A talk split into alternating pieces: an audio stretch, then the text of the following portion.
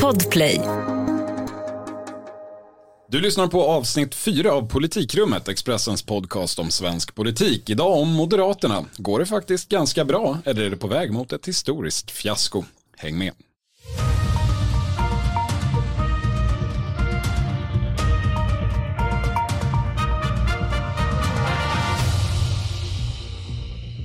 Jag heter Viktor Bart Kron, idag som tidigare med våra särskilt politiskt sakkunniga Helena Gissén och Thomas Nordenskjöld. Välkomna. Tack så mycket. Tackar, tackar. Hörrni, vi eh, ska börja lite i det förflutna, nämligen i Miljöpartiet. De hade ju kongress i helgen som gick och vi ska höra lite grann hur tongångarna gick. Socialism och kapitalism har misslyckats med att lösa vår tids stora utmaningar. Vi är gröna. Miljöpartister, maskrosor, kära vänner. Nu eldar vi under vår vrede. Ja, det här var språkröret Märta Stenevi som ville elda under folks vrede. Det kanske passar henne, men jag tänker att eh, det är lite svårt att se Per Bolund göra samma sak, resa runt i landet och elda massorna. Ja, han, han eh, passar väl inte riktigt lika bra som attackhund får man säga. Nej, Helena, kapitalismen och socialismen har misslyckats säger Märta Stenevi. Det här var en punkt som återkom under, under kongressen. Den här tredje vägen som då inte är det, den tycker jag ändå bär vissa likheter med socialismen i alla fall.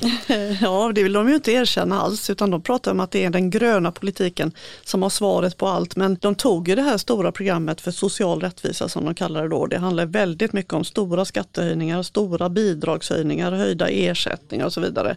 Och det där gick ju igenom eh, utan några större problem. Men sommarstugeskatten som vi pratade om i förra veckans avsnitt, den gick inte igenom. Nej, den eh, föll faktiskt och eh, det var ju Stockholms eh, miljöpartisten där, Daniel Heldén, han tyckte ju att de skulle skrota den. Jag vet inte om det hade någon direkt betydelse, men den försvann i alla fall ur listan där och jag fick en motivering på sms. Vi såg att förslaget om höjd skatt på fritidshus kunde få oönskade bieffekter och därför togs det bort. Och sen frågade jag vad var det för bieffekter men det fick jag aldrig något svar på. De upptäckte hur många svenskar det faktiskt är som har tillgång till fritidshus. Men, men var det inte just också att det var Daniel Heldén kanske han är, som, som, tog, som gick till stånds mot detta som gjorde att de snabbt backade. Det säger lite om hans tyngd internt, gör inte det? Jo, han har ju stort inflytande men sen blev det mycket reaktioner också tror jag eh, från ja, i sociala medier och så där vidare. Ja, man underskattade kanske sprängkraften. Men vi ska inte fastna i det förflutna. Det här är ju i första hand en framåtblickande podd och därför ska vi prata om Moderaterna. De har alltså stämma i helgen som kommer och inte i helgen som var. Hörrni, Helena och Thomas, ni kommer just till studion från en eh, kaffeträff med Ulf Kristersson tillsammans med riksdagsjournalisterna. Jajamensan. Det låter väldigt eh, spännande och gemytligt, eller? Det är lite speciella sammankomster där. Det är ju eh, liksom inf lite informellt där partiledaren eller vem du nu är, en ledande politiker ska sitta och kunna prata utan att man tar upp ljud och så. Men de är ju såklart rätt mycket på sin vakt ändå. Precis, man tar inte upp ljud, man skriver bara ner det och berättar det i en podd några minuter senare istället. Det tycker jag är utmärkt. Helena, vad, vad var temat? Ja, det var ju väldigt tydligt. Det var säkert 80-90% av frågorna från eh, de politiska reporterna handlade om relationen med Sverigedemokraterna. Så att det var det han fick svara på gång på gång. Ja, det, det, blir ju tydligt att eh, Moderaterna, och det är inte bara i det här sammanhanget utan i Agenda eller var än Ulf Kristersson är med så blir det ju väldigt mycket fokus på Sverigedemokraterna och eh, det här är ju någonting som kommer att eh, förfölja Moderaterna eh, in i valrörelsen får man säga. En, en, en aspekt, eller ett sätt att se på det som jag har hört vissa moderater själva vara inne på är att det kanske är lika bra att ta det nu så att folk är trötta på den frågan när valrörelsen väl kommer. Det har blivit oerhört mycket just de senaste veckorna. Men vad, vad, vad, vad sades då? Vad, vad är konkret? Ja, men det han svarar är ju, ja, det han säger är ju att det är sakpolitik som gäller och eh, Sverigedemokraterna är inte Moderaterna. De får ta ansvar för sitt parti och han tar ansvar för sitt parti och ska han få någonting gjort överhuvudtaget och ha en chans att bryta Socialdemokraternas maktinnehav så är detta det alternativ som står till buds och han är bekväm med det. Ungefär så. Det har han ju sagt många gånger gånger. Det som ändå gör att han eh, liksom, återkommande får de här frågorna är ju att det fortfarande finns. Det är ju, man vet ju faktiskt inte vad som, det vi pratat om tidigare här, att det, vi vet ju inte hur, vad utfallet blir när de här två partierna, Moderaterna och Sverigedemokraterna ska försöka enas och dessutom då med Kristdemokraterna och Liberalerna med sannolikt då. Och det, där är ju fortfarande flera frågor obesvarade. Han, vänd, han säger ofta att man ska göra upp där man tycker lika, men i de här frågorna där man inte tycker lika så säger han ju att ja, men Sverigedemokraterna kommer få en hel del, men de kommer inte kunna påverka allt. Men då, ja, det där här, hur exakt hur det där ska gå till och se ut eh, är ju faktiskt lite svårt att se. Eh, Eller vad säger du Helena? Jo absolut, sen är han väl väldigt fokuserad på de tre ämnena då där de är överens, nämligen migration, brottslighet och energi. Det är ju det han tar Du vill upp säga hela kärnkraft. Tiden. Kärnkraft, ja. Mm.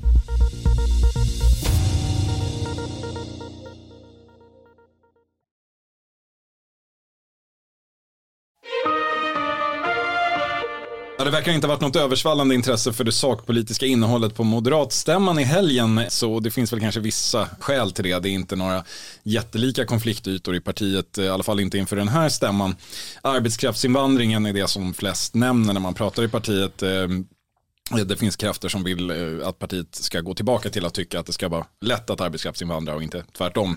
Vi har en del eh, frågor om alkohollagen som har fått uppmärksamhet idag. Där vill man liberalisera. Men Helena, en sak som fick mycket uppmärksamhet för några år sedan, eh, bland annat för att Alice Teodorescu, den borgerliga opinionsbildaren, var med och ledde arbetet, var ju det här idéprogrammet som Moderaterna nu ska klubba. Ja precis, och det pratade Ulf Kristersson själv om faktiskt. Innan alla frågor om Sverigedemokraterna kom så nämnde han detta som en viktig sak för den här stämman. Han tror väl i och för sig inte att det blir några konversioner kring det här programmet men det är ju faktiskt lite intressant om man läser det. Därför att det är rätt mycket en återgång till de lite mer konservativa moderaterna. Vissa tolkar det som en, en anpassning till Sverigedemokraterna då men de har väl gjort en resa och nu är det återigen då betoning på familjen som en viktig enhet, eh, kristenheten och kyrkan eh, pratar man om, man säger att monarkin är viktig och så vidare.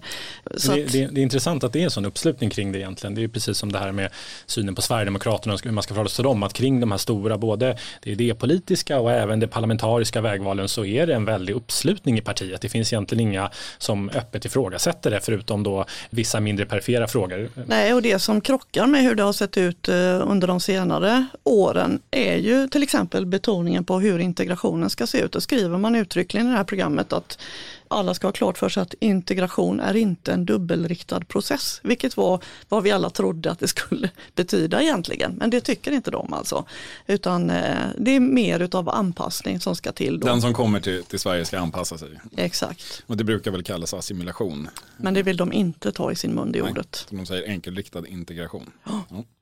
Men inga större konflikter att vänta i den frågan alltså. Och det är ju lite intressant det som Thomas är inne på här att de här stora vägvalen eller eh, riktningsförskjutningarna har skett under så pass stor enighet ändå. Trots att de är väldigt duktiga på att bråka om annat i det där partiet. Det talar kanske, tänker jag, för att den tidigare, tidigare förhållningssätten var, var ganska elitstyrda. Att det kanske, de, de här strömningarna kanske fanns där hela tiden. Kanske de gjorde egentligen, ja innerst inne. det, det måste nästan vara så. Men om vi ska bredda blicken lite och då ta stämman som ursäkt för att prata lite om läget för Moderaterna. Det är ju en fråga som har flera olika svar. Thomas, vad, går det egentligen ganska bra?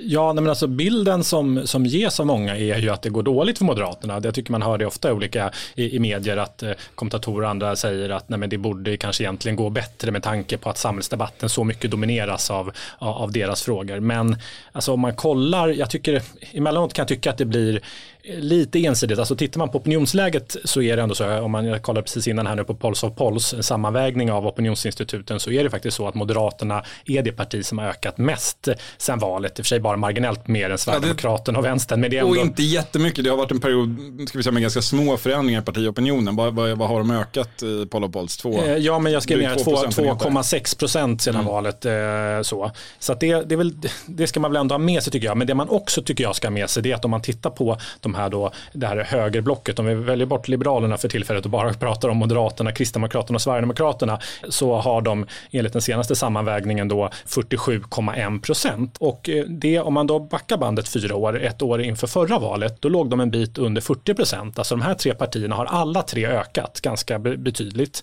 och eh, tillsammans har de gått upp ungefär 8 procentenheter. Eh, och det är ju ändå en förskjutning som är ganska betydande och skulle det vara liksom val idag så pekar ändå, ja, men då skulle om det här resultatet skulle gälla Om, om Paul Polls var valresultat. Nej, men då hade Kristersson blivit statsminister och M, KD, SD hade fått egen majoritet i kammaren. Alltså det, alltså det är ju På grund av att vissa partier åker ur också. Ja, men eftersom både Miljöpartiet och Liberalerna. Så det är många om och men och det kan, man kan invända att det kanske är mer troligt att, Miljöpa, eller att eh, Miljöpartiet blir kvar än Liberalerna och så vidare. Men det är ändå så att det, det är oerhört jämnt. Men de där, den där större förskjutningen att de här tre partierna alla har ökat, det har ju ändå ganska stor betydelse. Det, det är ju ett sätt att se på det. Ett annat är ju att backa tio år. Till senhösten 2011 när Moderaterna låg runt 36 procent. Och Håkan Juholt var... Ja, det var, det var på Håkan Juholts, det var när hyresskandalen runt Juholt hade briserat. Men det är fortfarande så att Socialdemokraterna hade ungefär samma opinionsstöd som de har idag. Det vill säga 26-27 procent. Men Moderaterna alltså ganska konsekvent över 35 procent. Alliansen, deras då samtrimmade regeringsalternativ, Eh, som de inte hade några problem att motivera sitt samarbete med, de, eh, de låg över 50 procent. 10 procentenheters ledning mot det rödgröna blocket som var det man jämförde med på den tiden. Sverigedemokraterna skvalpade runt 5 procent och eh, seriösa människor i, i, den offentliga debatten trodde väl fortfarande att Sverigedemokraterna skulle göra som Ny Demokrati och kollapsa och försvinna. Så det såg ut som en fullständig hegemoni och frågan var väl inte om utan när Moderaterna skulle få 50 procent på egen hand. Så allt är en fråga om vilket tidsperspektiv man väljer, försöker jag bara säga. Men själv är han ganska nöjd, Ulf Kristersson. säger att med tanke på att eh, Centerpartiet har lämnat oss så får man väl ändå vara relativt nöjd med att det är så jämnt som det är. Så att han, han låter ju relativt optimistisk. Men jag tycker också att eh, egentligen att eh, de eh, har öppet mål faktiskt med tanke på hur enormt fokus det har varit och är på brottsligheten och, och sådär. Alltså att det, det, borde gå det borde kunna gå bättre för dem. Precis, men det som ändå är då den stora osäkerhetsfaktorn, eh, återigen apropå Sverigedemokraterna, är ju den här diskussionen, och det hör man ju från ledande moderater, det finns ju en osäkerhet där kring eh, vad, vad innebär det, kan man vinna ett val med Sverigedemokraterna med i sitt regeringsunderlag? Det, där säger ju ledande socialdemokrater när de pekar på sina interna mätningar, när de mäter sånt där och Centerpartisterna, att då säger de nej, det, våra mätningar säger att det kan man inte och det kommer vi se till att bevisa medan Moderaterna hävdar motsatsen. Så det är ju fortfarande eh, ja, en väldigt stor osäkerhetsfaktor i detta val. Ja, Ja, nej, men helt uppenbart så är det ju så att de rödgröna ändå samlar ett brett stöd. Det kan man också vara lite förvånad över med tanke på att de känns ju som en ensamstående förälder, Socialdemokraterna, som tampas med tre eh, skrikiga ungar som ständigt är osams. Alltså. Och som vägrar att bo i samma hus. Som vägrar de, bo i samma hus, som vägrar att prata med varandra. De har en koja på tomten åt Nooshi Dadgostar. Just nu pågår vår stora season sale med fantastiska priser på möbler och inredning. Passa på att fynda till hemmets alla rum, inne som ute, senast den 6 maj. Gör dig redo för sommar. Välkommen till Mio. Hej, Synoptik här. Visste du att solens UV-strålar kan vara skadliga och åldra dina ögon i förtid? Kom in till oss så hjälper vi dig att hitta rätt solglasögon som skyddar dina ögon. Välkommen till Synoptik och eh, Annie Lööf ska vara särbo typ. Ja eller hur och nu så tar då Nooshi Dadgostar chansen igen här och kastar in LAS-frågan en gång till och vill bråka med Centerpartiet och Socialdemokraterna om detta. Så att det är ju en enorm oenighet. Men, ja, nej, men att man, man såg ju inte riktigt det komma egentligen att de skulle vara mer samspelta på högersidan, eh, Sverigedemokraterna i, i ett, någon form av block tillsammans med Moderaterna, Liberalerna och Kristdemokraterna för ett par år sedan. Eh, och att splittringen då, för det var ju det Socialdemokraterna såg framför sig när man inledde januarisamarbetet, att det var början på en ny epok där man samarbetar brett över blockgränsen. Och nu står de där och eh, med då vänstern och centern som vägrar prata med varandra och splittringen är ju faktiskt idag, liksom oenigheten kring hur man, ska, hur man ska kunna styra är ju mycket större på den rödgröna sidan, så är det ju. Ja, men det, det är ju också, apropå, man kan vara förvånad över att väljarna överväger något av de här alternativen men de har inte så mycket att välja på om vi säger så. Det, det, det, det, svensk politik har en tendens att ordna upp sig i block. Nu har de gjort det igen och då står du ju där som väljare och ja, till dess det kommer ett eh, oberoende mittenparti och, och sveper opinionen med sig så, så är det ju den ena av två hötappar du får välja. Eh, vi får väl se vem som drar det längsta strået ur den. Men Thomas, det är inte bara positiva tongångar i partiet. Somliga verkar redan ställa in sig på att det kanske inte går så bra. Nej, men det är ju, alltså Moderaterna präglas ju idag av en ganska infekterad falangstrid får man säga. Där det pågår, det upplevs pågå ett positionerande från delar av partiet, ganska tunga eh, intressen i partiet med mycket inflytande som snarare anses förbereda sig på en valförlust. Det här pratas det ganska mycket om internt och det, det är rätt infekterat. Alltså det, det, är ju ganska uppseendeväckande får man säga med tanke på att det ändå som vi sa, åtminstone får man säga att det är jämnt. Men, men hur tar sig det uttryck då? Vad är det för karaktär karaktärer och vad gör de? Men det här, till att börja med så är det ju här äh, stridigheter som men de har sina rötter i MUF som det brukar vara i, i, i som det är även i Socialdemokraterna. Allt härstammar från ungdomsförbunden. Det här är liksom stridigheter som eh, ja, men 15 år tillbaka någonting som sen har fly, liksom kommit in i moderpartiet och då eh, på den ena sidan eh, i, i detta står en fraktion som var med och avsatte Anna Kinberg Batra. Så att det är ju, där visade man ju att man, ja, då, det var det lite olika intressen som gick samman för att få bort henne men där visade man ändå att man, om man agerar, kan eh, till och med avsätta en partiledare. Mm. Och nu eh, funderar man på, mm, eller nu positionerar man sig för att kunna göra det igen. Är det så man ska tolka Ja, nej, men det, det, det upplevs så av, av, vissa faktiskt. Det var en väldigt infekterad eh, strid om ordförandeposten eh, i Skåne, det tunga Skånedistriktet i våras. Det var då det gav ny näring till den här konflikten som då har liksom böljat upp och ner och kommit och gått under, under lång tid. Det som skiljer dem från andra partier som bråkar inbördes, för nästan alla har ju sådana här falangstrider, det är ju att de lyckas hålla det relativt dolt för den breda allmänheten. Det är bara sådana initierade personer som du som Men Jag skulle säga en annan annan sak som skiljer Moderaternas falangstrider från de flesta andra partier i alla fall är ju att de överhuvudtaget inte handlar om politik. Det är ju det, alltså till och med SSU-konflikten som sen blev en socialdemokratisk konflikt som i någon mening kulminerar i Juholt-katastrofen eh, handlar ju åtminstone på ytan om en höger och en vänsterfalang som man betraktar av Mikael Damberg en högersosse och Anders Ygeman en vänstersosse och därför har de varit ovänner sedan de var tonåringar. Men finns det inga sådana ingredienser här? Men det är ju speciellt, alltså på, det, nej det gör faktiskt inte det utan det handlar snarare om gamla lojalitetsband och så. Eh, så det finns, eh, det finns inga tydliga politiska skiljelinjer till exempel exempel. Man hade kunnat tänka sig att det skulle kunna finnas olika syn på hur man ska förhålla sig till Sverigedemokraterna, men det gör det inte. Snarare så är det så att det, alltså ledargestalten på den här e, e, ena sidan då som var då drivande i att avsätta Anna Kinberg Batra, brukar ju, det är Niklas Wykman, riksdagsledamoten från Stockholms län som brukar pekas ut. Det är liksom, han har ju genom åren inte gjort någon större hemlighet av och anses prata om det vitt och brett internt att han inte tycker att Ulf Kristersson är någon stjärna. Så, eh, så att snarare handlar det om att de tycker att den nuvarande partiledningen Ulf Kristersson inte är särskilt bra och att deras egna egna namn då snarare skulle göra ett bättre jobb. Men vilka står då på den andra sidan? Man pratar ofta om Niklas Wykman som ja, men, gör. Men... Ja men precis, där har vi då Wykman, vi har Josefin Malmqvist som ordförande för Moderatkvinnorna, vi eh, har Oliver Rosengren som vi här i Expressen har pekat ut som den mäktigaste politikern i landet under 30. Det är liksom den ena sidan och de har även kändare namn som Irene Svenonius, Hanif Bali och Elisabeth Svantesson. De tillhör den ena sidan då.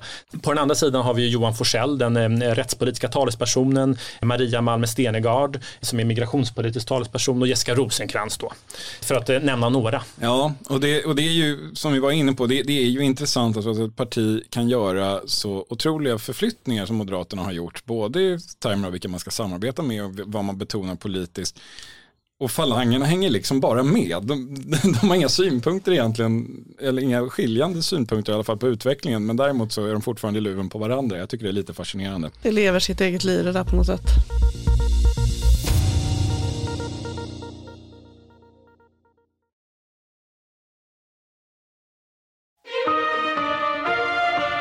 Men just att de är eh, rätt eniga kring de här vägvalen eh, är ju också, eh, det bidrar ju till att liksom, det blir ett rätt speciellt läge. För hade det varit så att det fanns en väldigt, liksom en av de här fraktionerna hade stått för en helt annan linje. Alltså hade man misslyckats då, hade det så att Ulf Kristersson inte hade lyckats vinna valet, då hade man ju kunnat säga, men då, vi har ju en plan B här, det finns ju några andra som tycker något annorlunda. Men, men det finns ju inte riktigt här. Nej, så är det ju. Och jag förstår att eh, de känner en oro också över att eh, förlora valet. Alltså att eh, Socialdemokraterna då skulle vinna en tredje gång, det är ju en katastrof egentligen, skulle det bli för Moderaterna. Men nu har de ju då Magdalena Andersson att kämpa mot också. Det är klart att det, det skärper ju deras oro enormt mycket. Jag skulle säga att när man pratar med ledande moderater så finns det, det, det finns en ångest eh, kopplat till detta. Ångesten över tänk om vi inte vinner. Men nu har de varit eh, åtta år snart i opposition. Men, men skulle man förlora valet en tredje gång, dels så skulle ju då Kristersson antingen avsättas eller avgå självmant sannolikt. Han, det här blir hans andra försök, man får nog inte tre gånger på sig. Men sen också den här känslan av att så här, eh, nej men var bara liksom, liksom regeringen Reinfeldt, alliansregeringen, det är bara en parentes, är vi tillbaka i ett läge där Socialdemokraterna styr jämt? Nej, men jag, ty jag, tycker ändå att så här, för Moderaterna, det är, väl, det är skillnad i Socialdemokraterna, skulle de vinna en, en tredje mandatperiod så, nej, men det, det, man gör nästan inte det. Så att det, eh, medan eh, i, i, Moderaterna så finns det väldigt tydliga förväntningar på att man måste vinna detta, annars är det eh, inbördeskrig och allmänt hopplöst. Ja, det har ju hänt en del under de här åtta åren och förutsättningarna har ändrats både en, två, tre gånger. Man inledde oppositionstiden i decemberöverenskommelsen med en tanke om att alliansen Alliansen skulle hålla ihop och bli största block i valet efter och ta tillbaka makten den vägen. Så föll den. Man gick till val på någon slags mellanting. Man skulle inte samarbeta med Sverigedemokraterna men inte Socialdemokraterna heller utan riksdagen skulle på något magiskt sätt rösta fram Ulf Kristersson vilket den inte gjorde. Nu går man till val på ett tredje sätt. Så på det sättet skulle man kunna säga att det blir ju tre väldigt olika valförluster om det skulle bli en valförlust till. Det blir inte roligare för det förmodligen.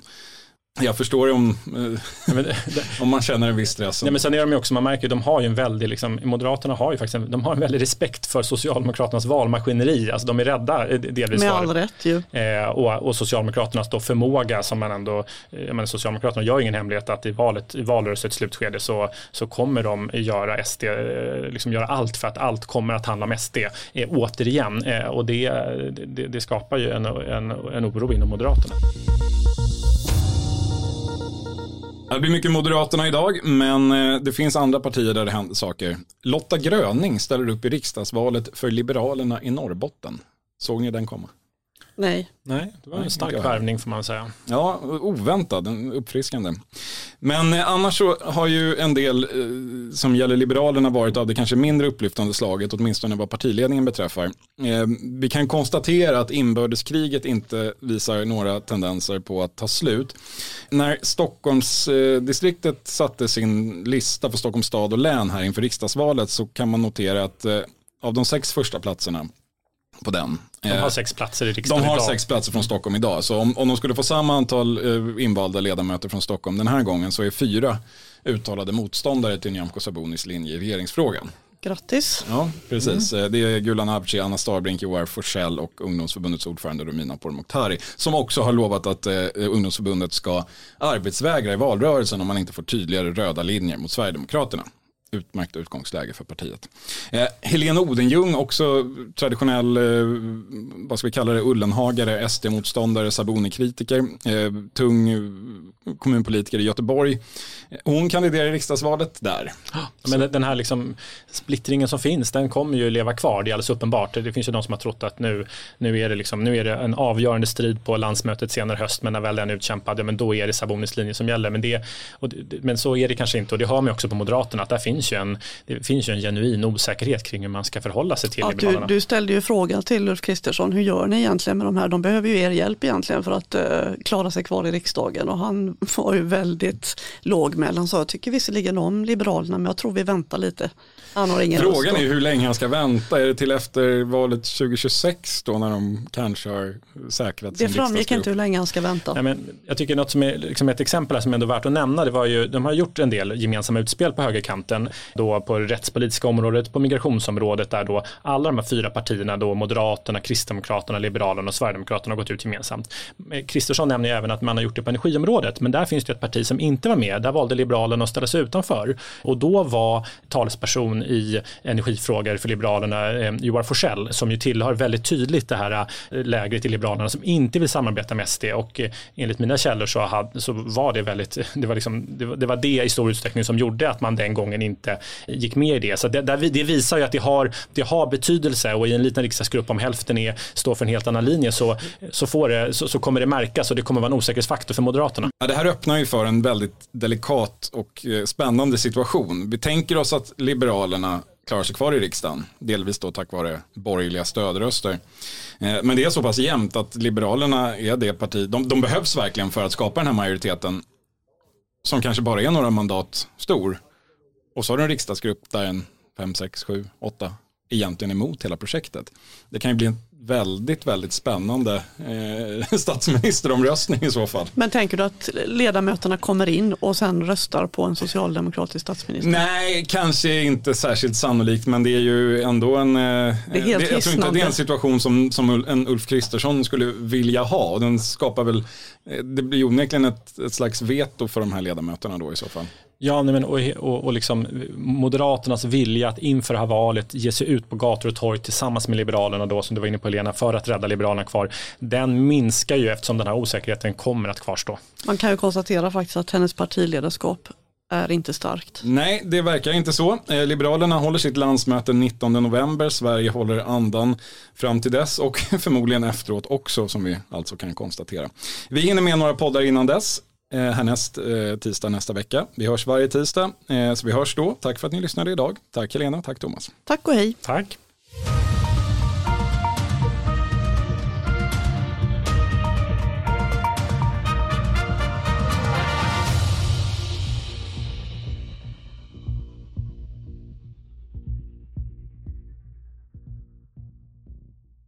Du har lyssnat på en podcast från Expressen.